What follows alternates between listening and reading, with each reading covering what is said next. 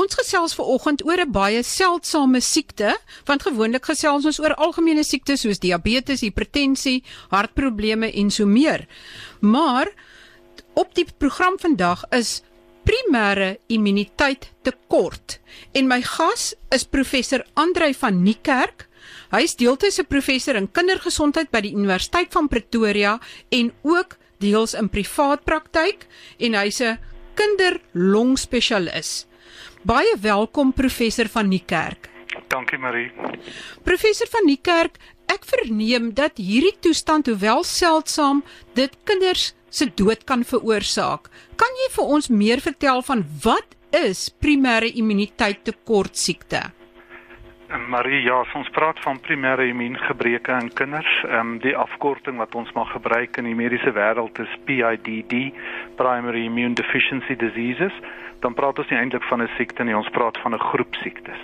En dis 'n hele groep siektes. En ehm um, as 'n groep is dit nie werklik skaars nie, maar die individuele siektes wat wat deel uitmaak van die groep, hulle kan soms baie skaars wees.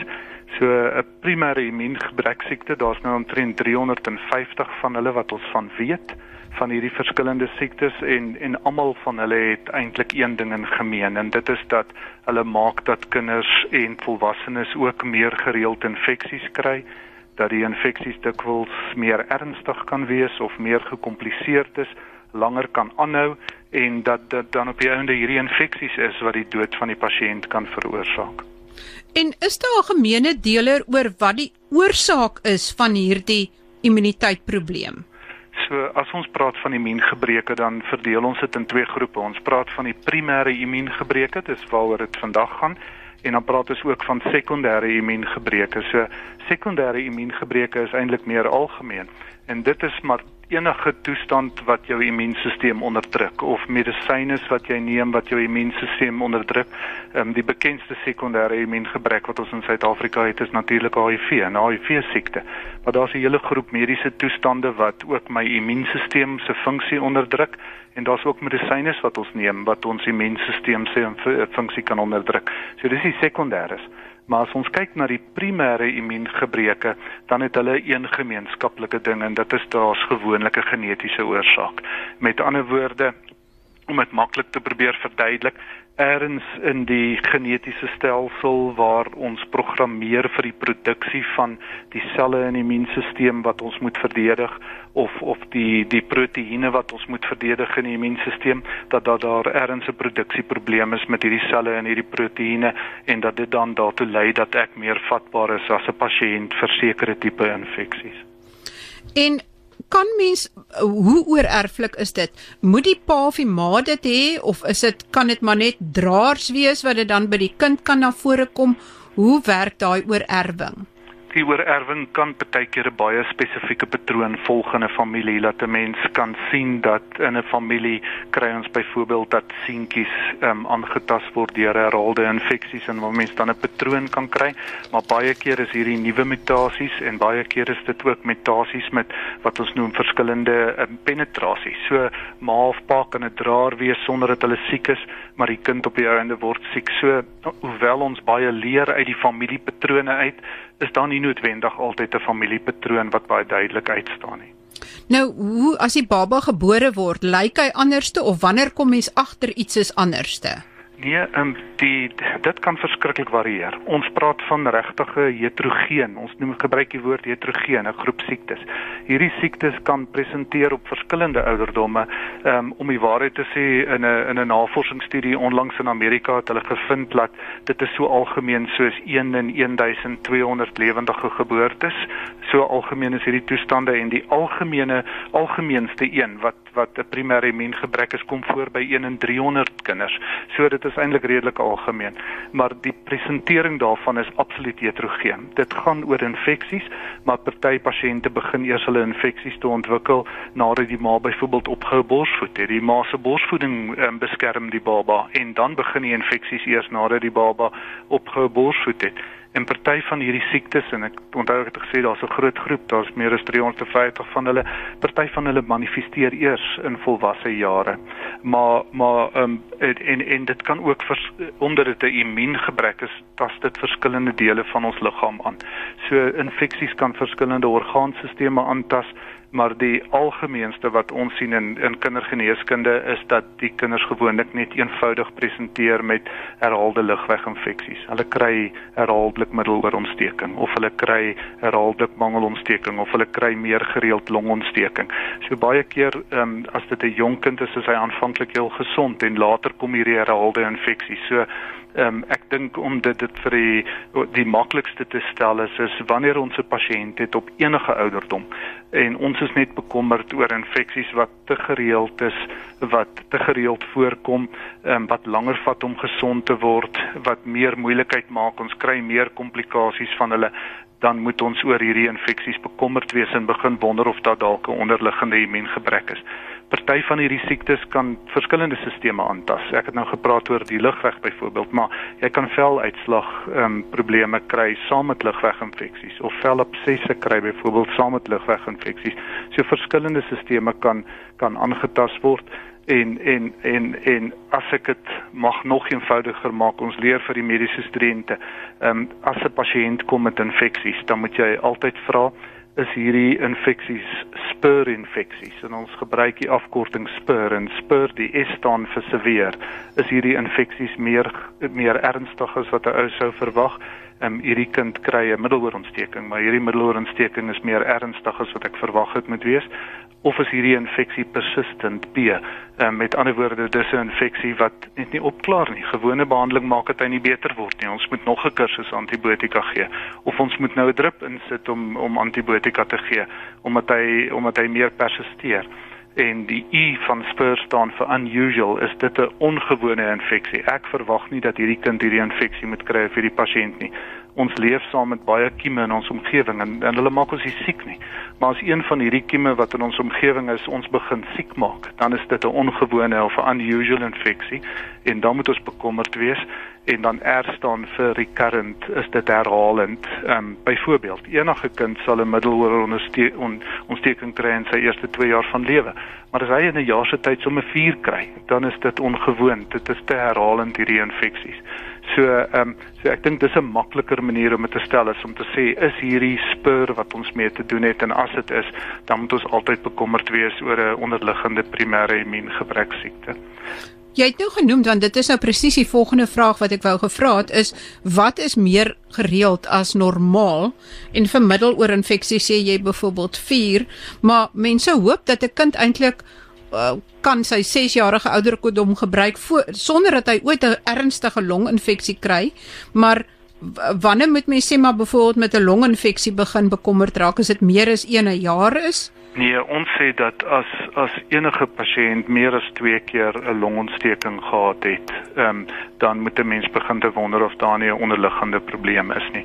So, ehm um, dis baie moeilik om te sê wat is meer as normaal want daar is nie definitiewe riglyne wat sê jy mag net 2 keer in jou lewe longontsteking kry nie. Jy kan meer as 2 keer in jou lewe longontsteking kry, maar as as on, ons gebruik vir verskillende tipe infeksies ge, gebruik ons verskillende afsnypunte.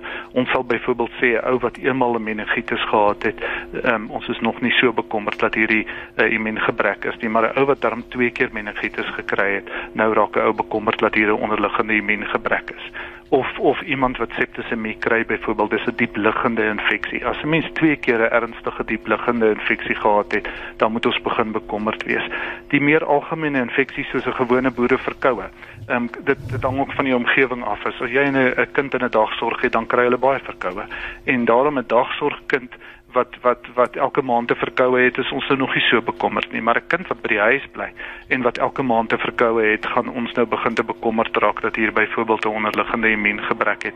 So mens moet dit in konteks sien. Jy jy moet dit assosieer met die ouderdom van die pasiënt.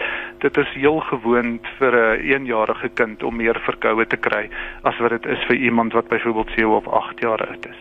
En middeloorontsteking is meer algemeen in 'n in 'n kind van 1 jaar ouderdom wat in 'n dag dagsorg is as 'n 7-jarige kind wat skool toe gaan. So mens moet dit in die konteks sien van die ouderdom, die omgewing voordat jy nou begin om reëls te maak en te sê jy mag net soveel keer byvoorbeeld longontsteking kry.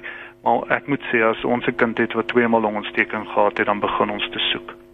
En as 'n uh, as dit nou die doodgewone griep of verkoue het en jy kom agter jou seentjie kry word elke keer baie sieker as die ander kinders, dan moet daar ook gevaarligte opgaan. Ja, dan moet jy begin te dink aan die moontlikheid van 'n onderliggende immuungebrek. Ek kan byvoorbeeld vir julle gee, um, ek het nou nou verwys na die Amerikaanse studie. Hulle het um, so omtrent 3000 pasiënte wat gediagnoseer is op die ouende met 'n primêre immuungebrek en hulle het gaan kyk na watse tipe infeksies het hierdie pasiënte gehad en 60-70% van hulle het byvoorbeeld sinusitis gehad as 'n herhalende probleem en en en en omtrent 50% van hulle het bronkietis gehad 'n herhalende probleem.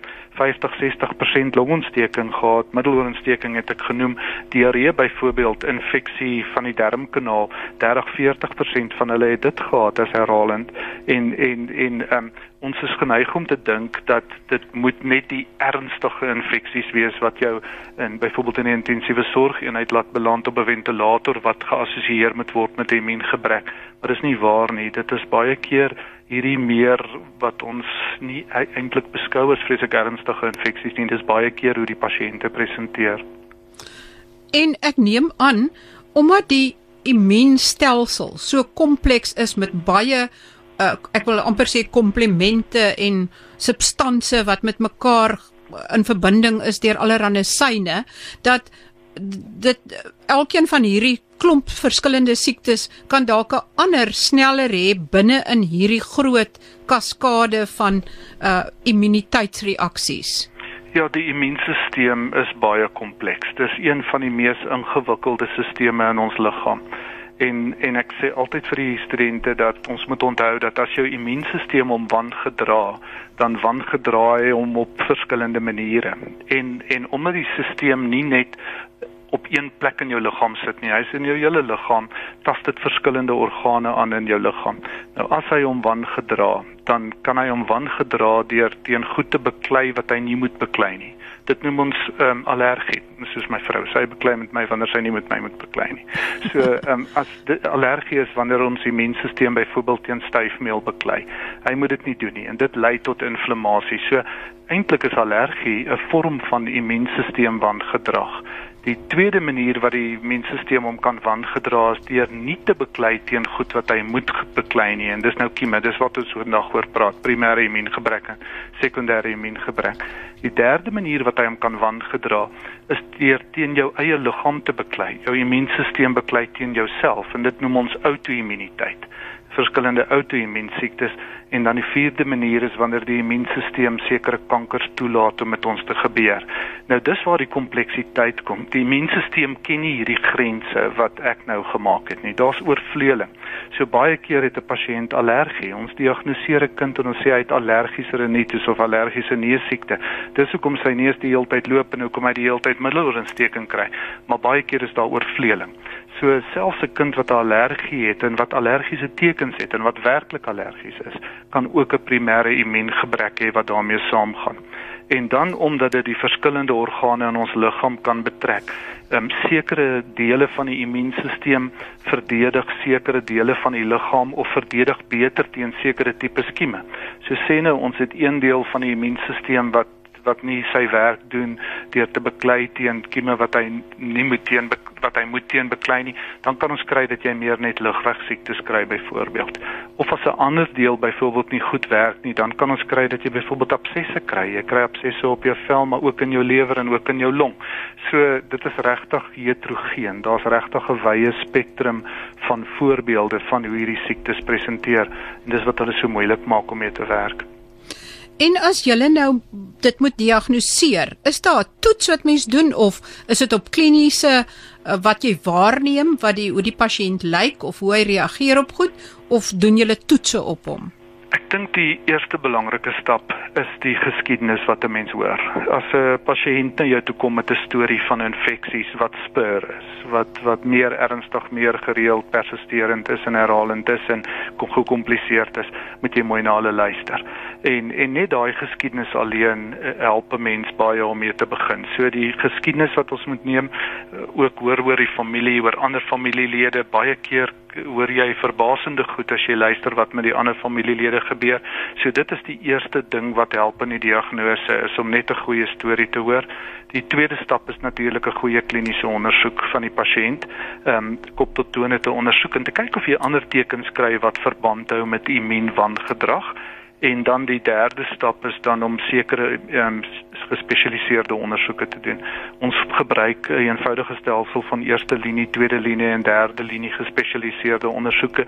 Eerste linie is 'n eenvoudige bloedtoets waar 'n mens net ehm um, die teenliggaampies in die bloed meet, sekere teenliggaampies meet, kyk of die immuunstelsel hulle produseer. Ons meet ook teenliggaampies nadat pasiënte gevaksinneer was, ehm um, immunisasies onder ontvang het, want 'n mens verwag dan dat daar teenliggaampies moet meet. So wees, so ons meet daai teenliggaampies om te kyk of het hierdie pasiënt gereageer op die vaksin wat daar was. Ons tel ook van die selle wat betrokke is by die immuunstelsel en dis dan ons eerste linie ondersoeke. En op grond van wat ons daar kry en op grond van jou kliniese beeld en jou geskiedenis en wat jy verwag uit hierdie 350 verskillende toestande uit, doen ons dan tweede linie ondersoeke. En dis dan waar ons begin te om te meet hoe funksioneer die immuunstelsel. Daai selletjies is daar maar hoe werk hulle? En waar ons dan begin te om te meet hoe werk hierdie teenliggaampies? Hulle is daar maar hoe goed is hulle om hulle hulle werk te doen? En en so gaan ons aan met gespesialiseerde ondersoeke wat baie keer regtig baie kompleks kan raak en dan op die ou ende ook genetiese toetse. Ehm um, hoe meer en meer ons reël leer van die verskillende gene en die rolle wat hulle speel in die immuunstelsel, kan ons nou panele genetiese toetse doen en genetiese diagnoses maak. En dan op die ou ende as jy dit nou gediagnoseer het, is daar iets wat mens daaraan kan doen? Ja, verseker en 'n mens moet baie keer iets begin te doen voordat jy dit nog diagnoseer. Baie keer begin ons al met met stappe neem voordat ons nog presies weet wat die diagnose van die pasiënt is. So eerste van alles moet ons hierdie pasiënt beskerm teen infeksies. So daar's maatreëls om 'n mens te beskerm en en uh, nie net oor higiëniese leefomstandighede nie byvoorbeeld sekere tekorte sê ons moet ons water kook voordat ons dit drink sodat ons nie ehm um, sekere ehm um, kieme inkry wat in die water is byvoorbeeld nie. Sekere maatreëls tref om ons te beskerm teen blootstelling aan aan aan infeksies maar die volgende is dan uh, die gebruik van vaksines en daar moet 'n ou versigtig wees want sekere van die immuungebreke mag sekere van die lewendige vaksines nie ontvang nie. Ehm um, maar jy moet dan besluit hierdie pasiënt moet hierdie vaksinne ontvang en hierdie vaksinne liewer nie ontvang nie. So vaksinne is 'n manier om die pasiënte te beskerm um, teen die infeksies en dan afhangend van um, die spesifieke probleem kan ons ook um, voorbehoed antibiotika gebruik. Um, ons hou nooit daarvan om antibiotika onnodig te gebruik nie, maar hier is nou 'n spesifieke manier om sekere antibiotika op 'n spesifieke manier te gee om pasiënte te beskerm en dan daarna is daar nog 'n vorm van behandeling en dit is waar ons dan as daar 'n immunoglobulien of hierdie teenliggaampies tekort is, dat ons hulle kan op verskillende maniere oortap, oortappings van immuun immuniteit gee. En dan natuurlik is daar in sekere van hierdie genetiese defekte die geleentheid om oorplanting te doen, stamseloorplanting te doen en dan die genetiese probleem te korrigeer op daai manier. En dan die heel nuutste vorm van behandeling wat ehm um, daar wel nou al in Suid-Afrika een of twee kinders was wat so behandel was. Ons doen dit nog nie in Suid-Afrika nie. Is waar ons ehm um, geen korreksie doen. Ehm um, gene transfer. Met ander woorde, wanneer jy presies weet watter geen dit is wat die oorsaak is van hierdie immuuntekortsiekte wat die pasiënt het en waar hulle dan daai geen wat foutief is oorplant deur gebruik te maak van 'n vektor en 'n vektor is 'n HIV virus wat wat selfmoord pleeg op die ouende en wat hulle korrekte geen um, aan daai virus koppel en dit vir die pasiënt um, oor inspuit en en op daai manier die gekorrigeerde geen oorplant aan die pasiënt maar soos ek sê dit is nou baie modern en dit is nog nie kommersieel beskikbaar nie. Sal julle dit um, eendag oorweeg om dit te doen? Ja, verseker sal 'n mens graag wil. Ehm um, dis baie intensief en jy's dit is baie gespesialiseerd. So ek dink nie dit is naby in Suid-Afrika nie. Ons doen wel al beenmergoorplanting in Suid-Afrika. So ons ons doen beenmergoorplantings, stamseloorplantings, dit word wel in Suid-Afrika gedoen.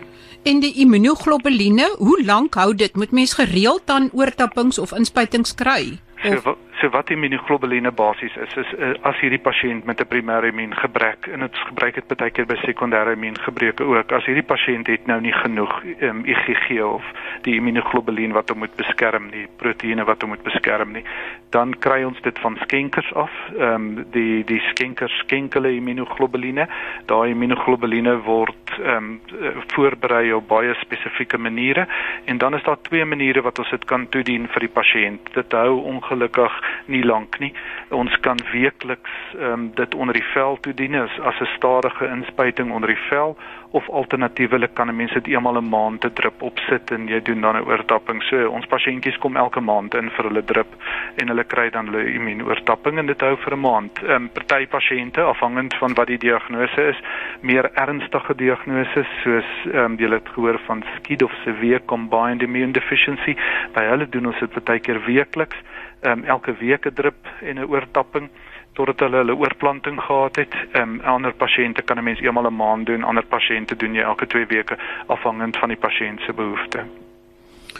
Sjoe, en dink jy daar's baie kinders wat nog nie gediagnoseer word nie? Ja, nee, verseker. Ehm um, daar's nie 'n kwessie daaroor nie. Ehm um, ons soos ek nou nou gesê het, dit is eintlik glad nie so skaars die groep siektes nie. Ehm um, 1 in 1200 kinders. Ehm um, as ons wonder hoeveel kinders word daar per dag in Suid-Afrika gebore. Ehm um, jy weet dan behoort ons baie meer te diagnoseer. Ehm um, op die oomblik is daar 60 miljoen mense in Suid-Afrika op ons register van kinders wat gediagnoseer is en wat geregistreer is op hierdie stadium is ons maar by 500 600. So ehm um, So daar word heeltemal te min van hierdie pasiënte gediagnoseer. En en die uiteinde daarvan is dat hulle swak kwaliteit van lewe het en dat hulle herhaalde infeksies kry, maar die probleem met herhaalde infeksies is dat dit lei tot orgaanbesering op die ouende. As ek byvoorbeeld herhaalde longinfeksies kry, ehm um, dan maak dit dat ek op die ouende bronkiektase ontwikkel wat 'n permanente besering is van die long. En en wat dan my lewenskwaliteit in die toekoms regtig benadeel. So ehm um, so dis die een manier is dat dat pasiënte swak kwaliteit van lewe het. Hulle kry eindorgaan stadium bes, besering, maar baie van hierdie pasiënte wat nie gediagnoseer word nie, kry op 'n dag 'n oorweldigende infeksie en hulle gaan net dood aan hulle infeksie sonder dat hulle ooit gediagnoseer was of hulle beland in die intensiewe sorg en en die intensiewe sorg is een van die plekke waar ons baie van ons verwysings vandaan kry. Ehm vreeslik baie van ons verwysings kom van 'n kind wat opgeneem is met 'n infeksie wat regtig hom nie so siek behoort te gemaak het nie en wat ons dan 'n diagnose maak op die einde. En wat sal jou uh, huis toe neem boodskap wees as jy in een sin vir almal wat luister iets kan sê oor hierdie siekte waarvan so min kinders eintlik gediagnoseer word? Ah, ek ek ek dink ek wil teruggaan na spur toe deur te sê as ons infeksies kry en daai infeksies is meer ernstig, ehm um, hulle is meer persisterend of hulle is ongewoon of hulle is herhalend, dan moet 'n mens jou dokter gaan sien en en sê ek is bekommerd hieroor en kan ons nie net ten minste die basiese ondersoeke doen om te kyk nie. Baie baie dankie ehm um, dokter professor van Niekerk. Professor van die Kerk is 'n pediatriese pulmonoloog en hy is deeltyds verbonde aan die departement kindergesondheid by die Universiteit van Pretoria en ook deels in privaat in die private sektor in privaat praktyk. Baie baie dankie professor van die Kerk. Dankie Marie, ek waardeer die geleentheid. En dalk kan ek net sê daar is 'n organisasies wat wat webblaaie het wat vir ouers inligting kan gee, soos Pinsa byvoorbeeld. En en um, hulle kan gerus na die internet toe gaan en gaan kyk op hierdie webblaaie want daar's baie inligting met raad. Ook die Jeffrey Model Foundation. Hulle het 'n wonderlike brosjure wat gaan oor die 10 waarskuwingstekens wat ouers voor moet kyk.